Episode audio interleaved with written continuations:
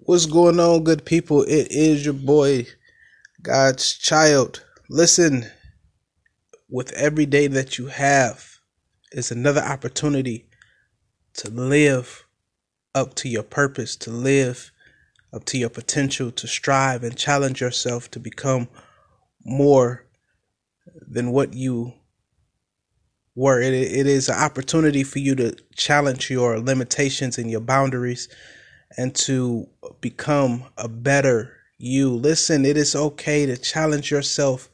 It is not okay to be complacent and stagnant and stay within uh, the the safeguard of boundaries um, because of fear and anxiety, of depression, and all of this uh, negative thinking. Listen, I've been on this positive thinking, this uh, walking and creating a new reality for self uh, lately, and and I really believe that um, you have the ability to to change who you are. You're not too old. You're not too young.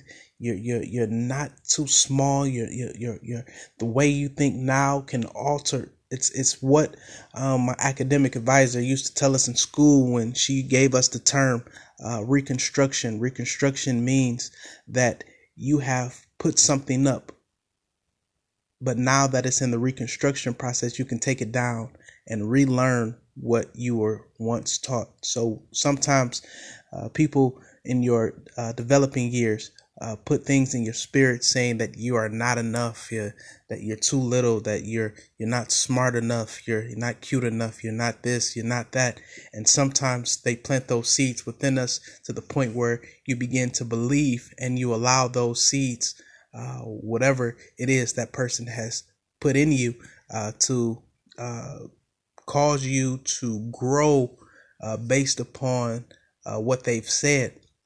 Or some people have come from a loving household where, you know, people told you that you are brilliant, you are smart, you are on the road to success, you are fearfully and wonderfully made, and it calls you to have uh, outrageous confidence and boldness, and it causes you to rise up in faith that whatever uh, life hands at you, you're just going to conquer it. Listen, whatever, whichever uh, may be your reality. Listen, I want to speak to the negative side of it though, um, and that tell you that whatever you've learned, whatever you've been taught up until this point, you can relearn, you can reshape, you can remold, and I promise you, it starts with how you think. It starts with how you perceive things. Um, I said it yesterday. Um, but I'm saying it again today. How you perceive, how you think, uh, garners or or transforms your reality. And I want you to encourage you that you can live up to your potential. You can change your reality. You can walk in your purpose. Listen, you know you found your pers- purpose when you find something that you're super passionate about, and that that that passion causes you um, to go over and beyond and wanting you and you want to serve others and give of that in which uh, God has given you through your gift. I don't know, you may have the gift of gab. You may be a great conversationalist. You may be a psychologist studying the human experience and human nature. You just may be an author. You're great at writing books and you just have a way of painting pictures with words so vividly and so uh, beautifully that it is just who you are. You do it. It's innately in you. It's just wired in you. You may just be somebody like me. I'm a spiritual person. Listen, I can see God in almost anything. And if not, I can inspire and motivate the individual to become more. So if that is in you, if that's who you are, that's your purpose.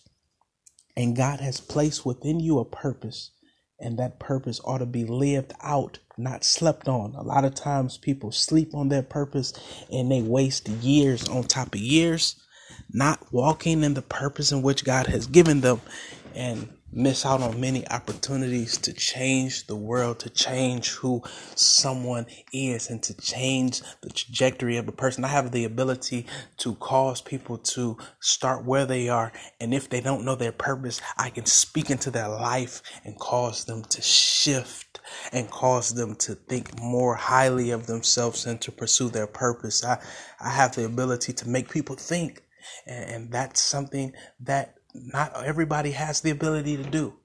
Um, but whatever your purpose is, whatever your passion is, I want to challenge you to live in your purpose, live in your potential.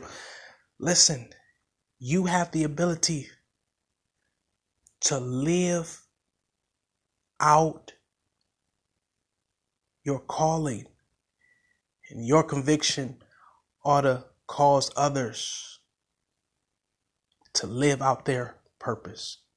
All right, peace and blessings to each and every one of you. I might be back on here later to share with you again, but if not, uh, go in peace. Love.